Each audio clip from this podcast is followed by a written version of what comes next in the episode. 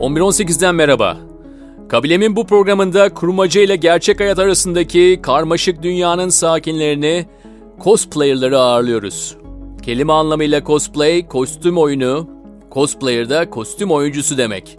Yurt dışı çıkışlı bir alt kültür olan cosplay akımı, meraklılarının hedefledikleri kurgu karakterlere dönüşmesi ve bu karakterlerin partilerde, festivallerde, sokakta veya cosplay yarışmalarında sergilenmesi üzerine kurulu.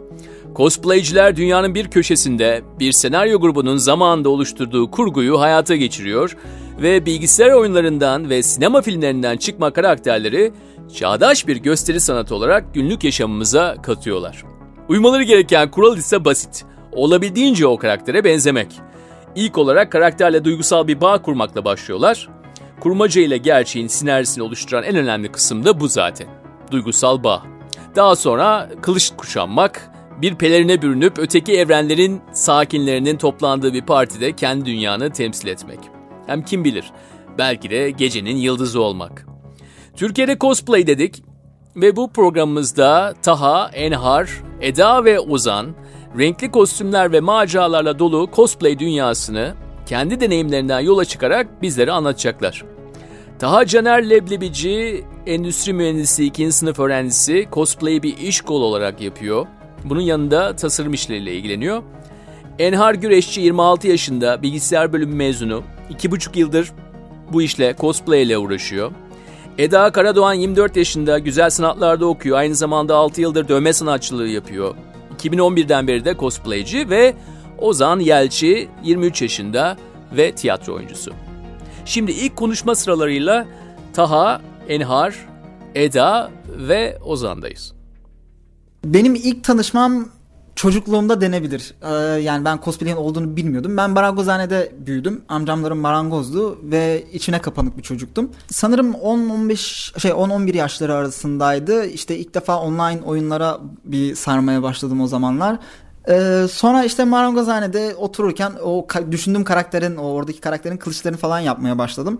Sonra bir süre sonra insanların bu tür şeyler yaptığını gördüm. Korkum, insanlara karşı olan korkumdan kaynaklı etkinliklere gidemedim.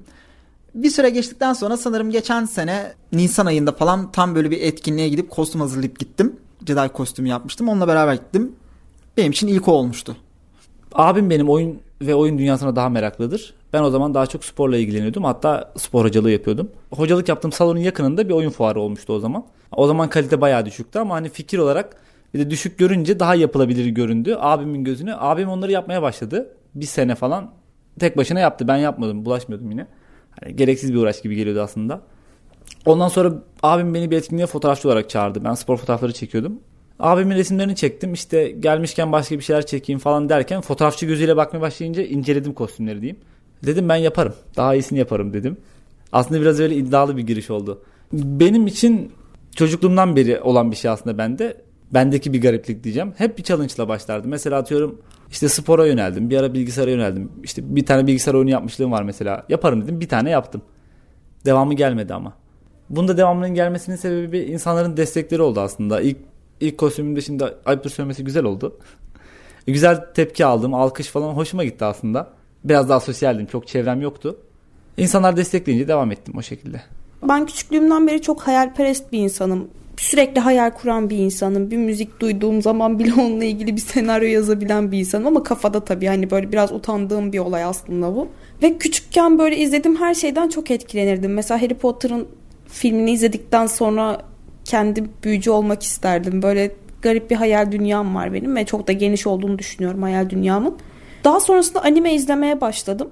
Anime dolayısıyla da hani araştırınca Türkiye'de animedeki karakterleri canlandıran, işte filmlerdeki karakterleri canlandıran insanlar olduğunu öğrendim.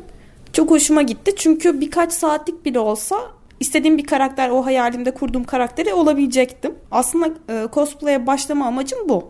Hala da öyle aslında. 2014 senesiydi.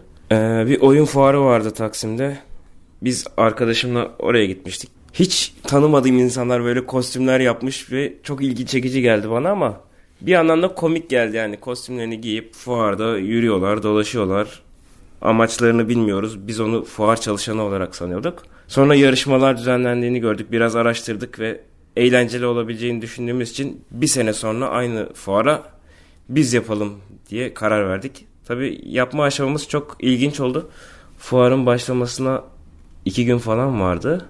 Biz gittik kostümcüden kostüm kiralayarak e, bir iki parça ekleyerek bir karaktere benzemeye çalıştık.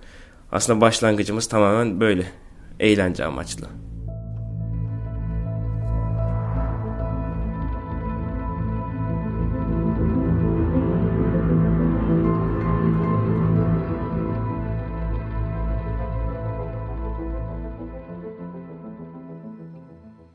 Türkiye'de çıktığı zaman cosplay kavramı ortaya çıktığında belli başlı hani bilen gruplar kafelerde, dışarılarda işte bir Taksim'de işte bir baş, parkta oturup o yaptıkları karakterleri giyip yapmaya başlar. Daha sonra bu iş büyüyor. Bir etkinlik haline gelmeye başlıyor. İnsanlar bir yerler kiralamaya, kafeler kiralamaya başlıyor. Daha fazla cos, cosplayer'i gelmeye başlıyor. Daha fazla cosplay yapmak bilmek isteyen gelmeye başlıyor. Etkinlikler bizim için bir arkadaş top, arkadaşların toplanıp eğlenebildiği şeyler. Etkinliklerimizde birçok yarışmalar, birçok etkinlik şeyler yapılıyor. Etkinlik içinde etkinlikler yapılıyor. Ee, büyük bir kısmı masa oyunları. İnsanlar orada oyunlar oynuyor. İşte çıkıp dans eden, şarkı söyleyenler var müzik çaldığında. Ta İzmir'deki arkadaşıyla buluşabilen insanlar var. Aslında bir buluşma yeri bizim için. Evlerinden çıkmayan veya hani normal yaşantı yaşayan insanların orada bulaşa, buluşabildiği, kaynaşabildiği bir ortam. Etkinlik Facebook'tan duyurusu yapılıyor. Arkadaşlar birbirlerini davet ediyor ya da işte duyuların yapıldığı cosplay sayfaları var. İşte cosplay Türkiye örnek olarak verirsek.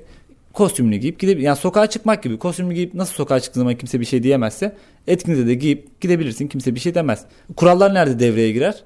Artık camianın içine dahil olmaya başladıktan sonra bazı etik kurallar var. Uyup uymamak size kalıyor. Kesin bir kural değil. Yarışma kuralları dışında. İşte bilmediğiniz bir karakterin kostümünü yapınca kısmen dışlanıyorsunuz. Hani sırf mesela çok popüler bir karakter. İşte yeni bir film çıktı. Hiç Doktor Strange sevmiyorsunuz. Ama sırf ilgi çekmek için o karakteri yapıyorsanız e, bunu da fark ederlerse tiplerinizden, tavırlarınızdan ya da yani karakteri bilmiyor olduğunuz belli olursa falan o zaman biraz dışlanma durumu olabilir. Aynı kostümü sürekli üst üste giydiğin zaman, kendi yapmadığın bir kostümü giydiğin zaman hani insandan insana değişiyor. Mesela ben kendi kostümlerimi üst üste çok giydiğim oldu. Sevdiğim karakterleri tekrar giymek istiyorum. E bunun için fırsat yaratıyorum. İşte yarışma olmayan, çok büyük etkinlik olmayan yerlere sevdiğim karakterleri tekrar giyiyorum mesela. Bana bile ufak tefek eleştiriler geldiği oluyor. E kıskançlık var. İhtiras var, aşk var. yani normal insanın insanın olduğu her yerde olan şeyler var aslında. Sadece kostümlüsü. E, camiye oturmadan önce daha çok asosyal insanların yaptığı bir hobi aslında. Ama asosyal insanlar bir araya gelip aynı hobiyi üst üste yapmaya başladıkça e, bir araya gelince sosyalleşiyorlar. Hobilerini yaptıkça gelişiyorlar. Kendilerine geçtikçe özgüvenleri geliyor. Özgüvenleri geldikçe dışarıya açılıyorlar. Dışarıdan insanları çekmeye başlıyorlar. Böylece bir camia, öz, kendine özgüvenli bir camia oluşuyor. Hani cosplaylerin çoğu dışarıdaki insanların çok daha özgüvenli.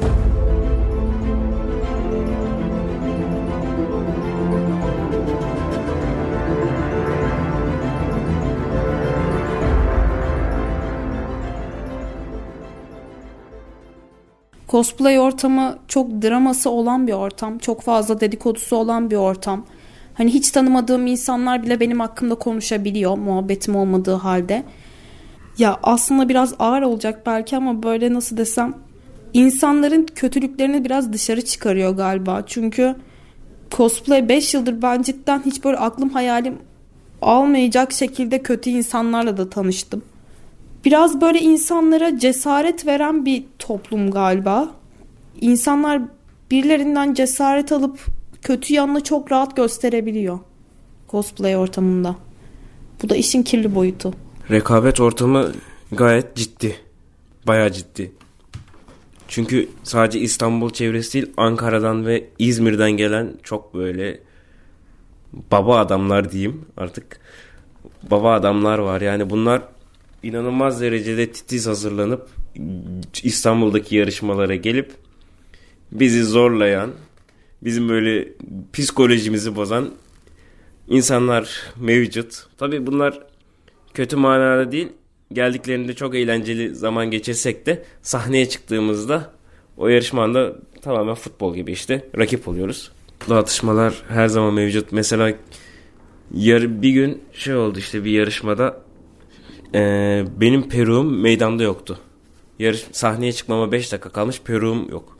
Her şey mevcut, perum yoktu. Bunu başka bir yarışmacı arkadaş alıp beni böyle tamamen stres, sinir haline getirip yarışmada kötü bir gösteri yapayım diye yapmış ama tamamen şakayla karışık olduğu için o tatlı atışmalar olarak kalıyor. Hiçbir zaman böyle bir kavga ya da sert bir manaya dönmüyor. Şöyle geçmişte bir muhabbet vardı bilgisayar oyunu oynayanlar ya da işte konsol oyunu oynayanlar asosyaldir. Bilgisayar başından kalkmaz diye tabir edilen bir olay vardı.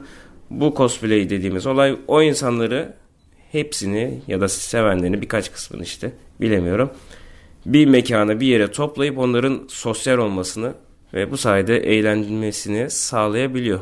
Tamamen sevdikleri konuları konuşuyorlar. Ve bu insanların aslında çok farklı insanlar olduğunu düşünüyorum. Yani sıradan insanlar ya da o kafada insanlar değiller. Deli tırnak içinde tam uygun bir tabir.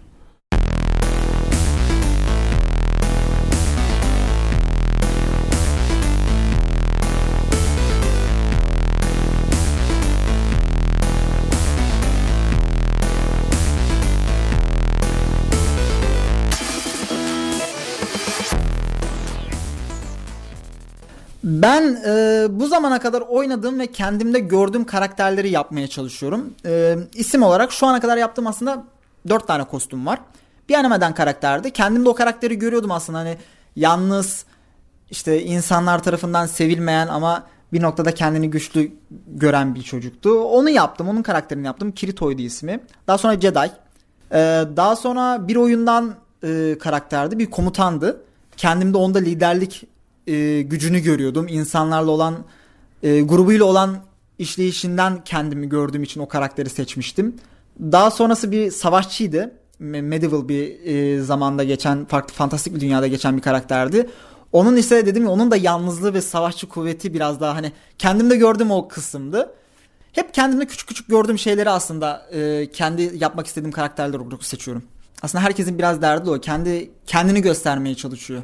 Çünkü belli bir yapamamazlık bir kişilik e, şey olduğu için insanlar kendilerini dedim cosplay ortamına gelen insanların birçoğu sosyal anlamda biraz e, dışlanmış ne bileyim hani geri çekilmiş insanlar. Hani bu sayede aslında kendilerini gösteriyor. Bu sayede kendilerini gösterebiliyorlar. Hani işte ben bu karakteri yaptım. Ben buyum diyebiliyorlar. Kendi kendime düşündüğüm zaman şeyi fark ettim. Genelde seçtiğim karakterlerin çoğu içine kapanık karakterler. Yani hikayede de öyle çok konuşmayan, genelde acılar içinde işte sevgilisi kız arkadaşı ölmüş falan benim öyle bir hikayem yok ama hani genelde bir içine kapanık daha böyle karanlık karakterleri seviyorum. Çok işte göz önünde çok artistik çok şey karakteri sevmiyorum açıkçası. Daha sakin. İşinde gücünde karakterler diyeyim. Kostüm giydiğinizde zaten herkes size o isimle sesleniyor. Yani mesela Iron Man kostümüyle gezdiğiniz zaman herkes size işte Iron Man Tony Stark diye sesleniyor. Kendi isminizle seslenmiyorlar ortamda. Öyle seslenildikçe sen de öyle davranmaya başlıyorsun. Ya da fotoğraf çekileceği zaman işte karakter sinirliyse kaşlarını çatıyorsun. İlk başlarda böyle bunu böyle şov olsun diye yapmaya başlıyorsun. Sonradan alışkanlık haline geliyor.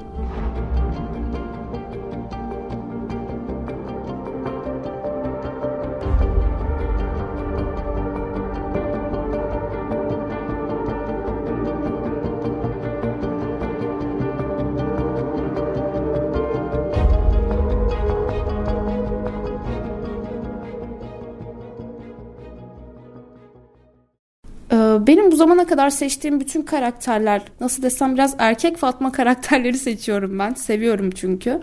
Ee, yani ağlak olmayan, sürekli böyle mızmızlanmayan, biraz daha argo konuşan kızları seçiyorum genelde. O kızların karakterlerini hani daha yakın hissediyorum kendime. Ondan sonra seçtiğim karakterlerin çoğu da zaten o şekilde ilerledi. Hani hep bir asi tarafı olan kızlar. Onları seçtim genelde. Ya da erkekler. Bilmiyorum erkekleri hani gender band kız versiyonunu yaptığım da oldu. Ben roleplay yapmayı çok seviyorum ama bir sahneye çıkıp yarışmaya katılmışlığım hiç yoktur bile. Yani e, cosplay yapmayı sevdiğim için de roleplay yapmak bana gayet olan geliyor. Mesela bir karakter yapmıştım yine. Kadın şeydi böyle güler suratlı, çok güler suratlı ama güler suratlı sürekli insanlara laf sokan bir kadındı. Ee, ve bütün gün etkinlik boyunca herkese güler suratlı laf sokmuştum ve bunun roleplay olduğunu söyleyerek ve sığınmıştım. Öyle bir kalıp uydurmuştum kendime. Ben biraz hedefe yönelik takılıyorum bu olayda yani tamamen yarışma düzeyine bakıyorum aslında eğlence olayı artık yaşımdan mı diyeyim neden diyeyim bilmiyorum. Bana biraz soğuk gelmeye başladı. Tamamen böyle hedef odaklı, yarışma odaklı düşündüğüm için seçtiğim karakterde de yapabileceğim role play'e göre yani sahne gösterisine göre bir karakter seçmeye çalışıyorum. İlk karakterim Assassin's Creed oyunundan Jacob Frye karakteriydi. Kendi elemeğim hiç yoktu. Değişik bir kostüm vardı işte yeşil bir yeleği, üstünde ceketi, şapkası vardı. Biz yeşil bir ceket bulup onu kesip kollarını yelek yaptık. Sonra oradan bir ceket bulduk, bir şapka bulduk. İşte kiraladık falan. Onun bir zımbırtıları vardır kolunda böyle bıçak çıkan bilir misiniz bilmiyorum. Onları arkadaşlardan edindik. İsmini bile bilmiyorum o o kadar uzağım. Onları arkadaşlardan böyle ödünç aldık. İlk karakter onunla başladı. Güzel tepkiler aldı. Sonra yarışmaya katıldık tabi. Yarışmada da bir role play dediğimiz olay vardı. Demin bahsetmiştim sahnedeki gösteriyle alakalı. O sahnedeki şovumla yarışmada birinci oldum. Tabi bu birincilik beni biraz gaza getirdi diyebilirim böyle tırnak içinde. O gaza geldikten sonra daha iyisini yapma kararıyla devam etti.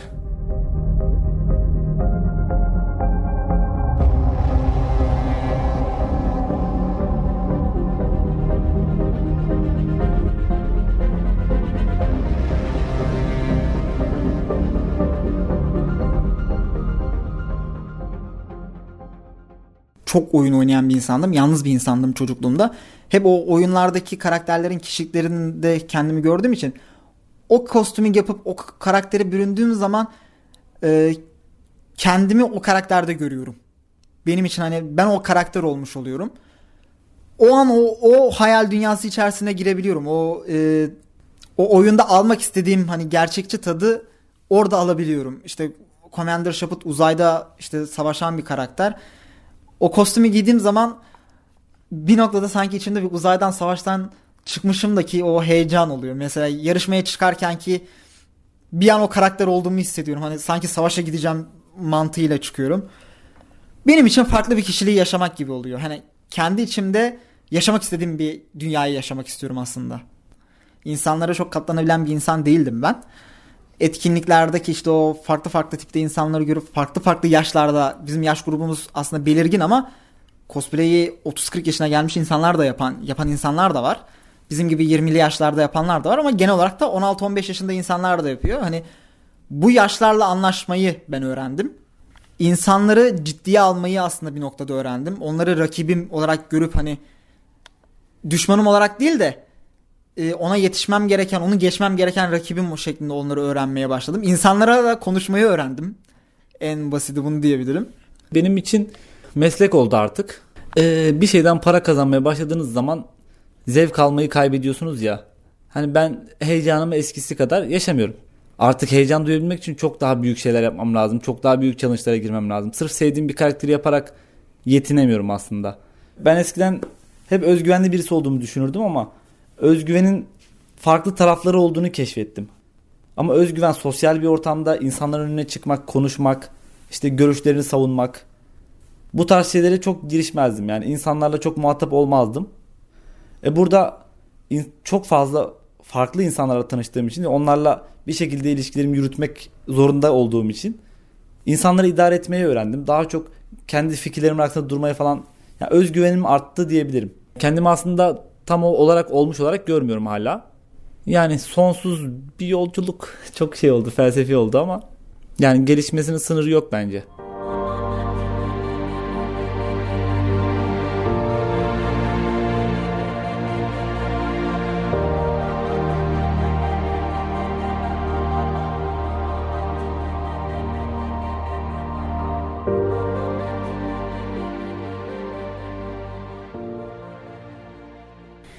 Ben tamamen hani kostümü giyip eğlencesini ve sevdiğim bir karakteri çıkarmış olmanın eğlencesinde yapıyorum biraz. Bir hırsım, bir beklentim, bir para kazanayım derdim yok aslında benim. Şöyle bir şey var. Ben ilk dövme yapmaya başladığım zaman ondan örnek vereyim. İlk dövme yapmaya başladığım zaman hobi olarak başlamıştım. Hani bir amacım yoktu. Sonrasında bunu iş olarak yapmaya başladıktan sonra dövme bir tık nasıl desem böyle hani işten kaçarız ya. Hani sabah uyanıp üf dövmem var bugün stüdyoya gitmem lazım dediğim zaman o iş sıkıcı hale gelmeye başlıyor. Dövme yapmayı hala çok seviyorum. O yanlış anlaşılmasın. Cosplay'in de hani kalkıp uf bugün etkinlik var ya şunu giymek zorundayım demek kısmını ben istemiyorum. Yani hobi olarak kalsın istiyorum hayatımda aslında. Çünkü eğlendiğim bir şey ve eğlendiğim bir şeyi sıkıcı bir hale getirmek istemiyorum. Birkaç saatliğine sevdiğim bir karakter oluyorum. Hayalperest bir insan için güzel bir şey bu. Çünkü genelde böyle bir müzik dinlerken o şekilde kendimi hayal edebiliyordum.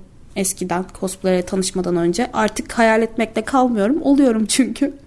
Bu da benim için oldukça büyük bir şey. Şahsi beklentim dediğim gibi hedefe odaklandığım için ben yarışma anlamında ve bu yarışmada kazanacağım şeylerle alakalı bir beklentim var. Onun haricinde çok da bir şey beklemeyi düşünmüyorum. Beklemek de istemiyorum açıkçası. Eğlence amaçlı başladığımız ve ilk başladığım, ilk yaptığım cosplay'de yarışma kazanınca tabii güzel bir gelir ve hediyeler elde ettim. E bu da hoşuma gittiği için ikincisini de üçüncüsünü de bu şekilde devam ettik. Yani bir şeyler verirken yani bir şeyler feda ederken bir yerden de başka bir öğe ya da kazanç gelmesi sizi tatmin ediyor. Cosplay hayatımda değerli bir olay oldu. Değerli bir hobi oldu. Hem enteresan bir hobi. Hem benim yaptığım meslekle tiyatroyla alakalı bir hobi kostüm açısından. Hem de çevre açısından ben pek arkadaş canlısı ya da arkadaş ortamı fazla bir insan değildim ama bu ortama girdikten sonra yüzlerce arkadaşım oldu ve çoğu çok yakın arkadaşım olmaya başladı. Bana getirdiği şeylerden biri de bu. Bana arkadaşlığı ve yani kısaca aslında arkadaşlığı ifade ediyor diyebilirim. V'yi sildim. V yok. Arkadaşlığı ifade ediyor. Daha Enhar, Eda ve Ozan'ın cosplay'e bağlanma nedenleri farklı. Gördük ki bazı cosplayer'lar kahramanlarının hüküm sürdüğü pamuksu bir diyarda özgürce keyif almaya bakarlar. Bazıları rekabetçi olup öykünün ana karakteri olmak isterler. O karaktere ne kadar benzediğinle, kostümde kullanılan malzemenin kalitesi, rol yapma ve benzeri parametrelerle ölçülen yarışmalara girerler. Hatta kimileri de bu işi meslek olarak sürdürür ve üzerine kariyer yaparlar. Ortak olan ise kendi kişisel özelliklerini sevdikleri karakterlere yükleyerek artık evrensel olmuş bu karakterleri özgün olarak tekrar tekrar yorumlayıp günlük yaşamımıza sokmaları ve cosplayerları da bir kabile yapan kendi özgüvenlerini kendi işlerinde oluşturup bunu dışarıya yansıtabilmeleri. Evet bu haftalık bizden bu kadar. Bu hafta yapımda emeği geçenler ben Onurak Mehmet. Bir sonraki cosplay etkinliğinde 1973 yılında Al Pacino'nun canlandırdığı Serpico karakteriyle karşınızdayım. Bakalım beni tanıyabilecek misiniz? Hikaye avcımız Enes Kudu, iletişim koordinatörümüz Emre Sarı, çizimleriyle Melih Karaoğlu ve müziğimizi düzenleyen Stüdyo Kolektif ekibinden Dinçer Demirci ve 1118 yayın direktörümüz Berna Kahraman. 1118 dünyasından hepinize iyi yıllar. 2017'de görüşmek üzere.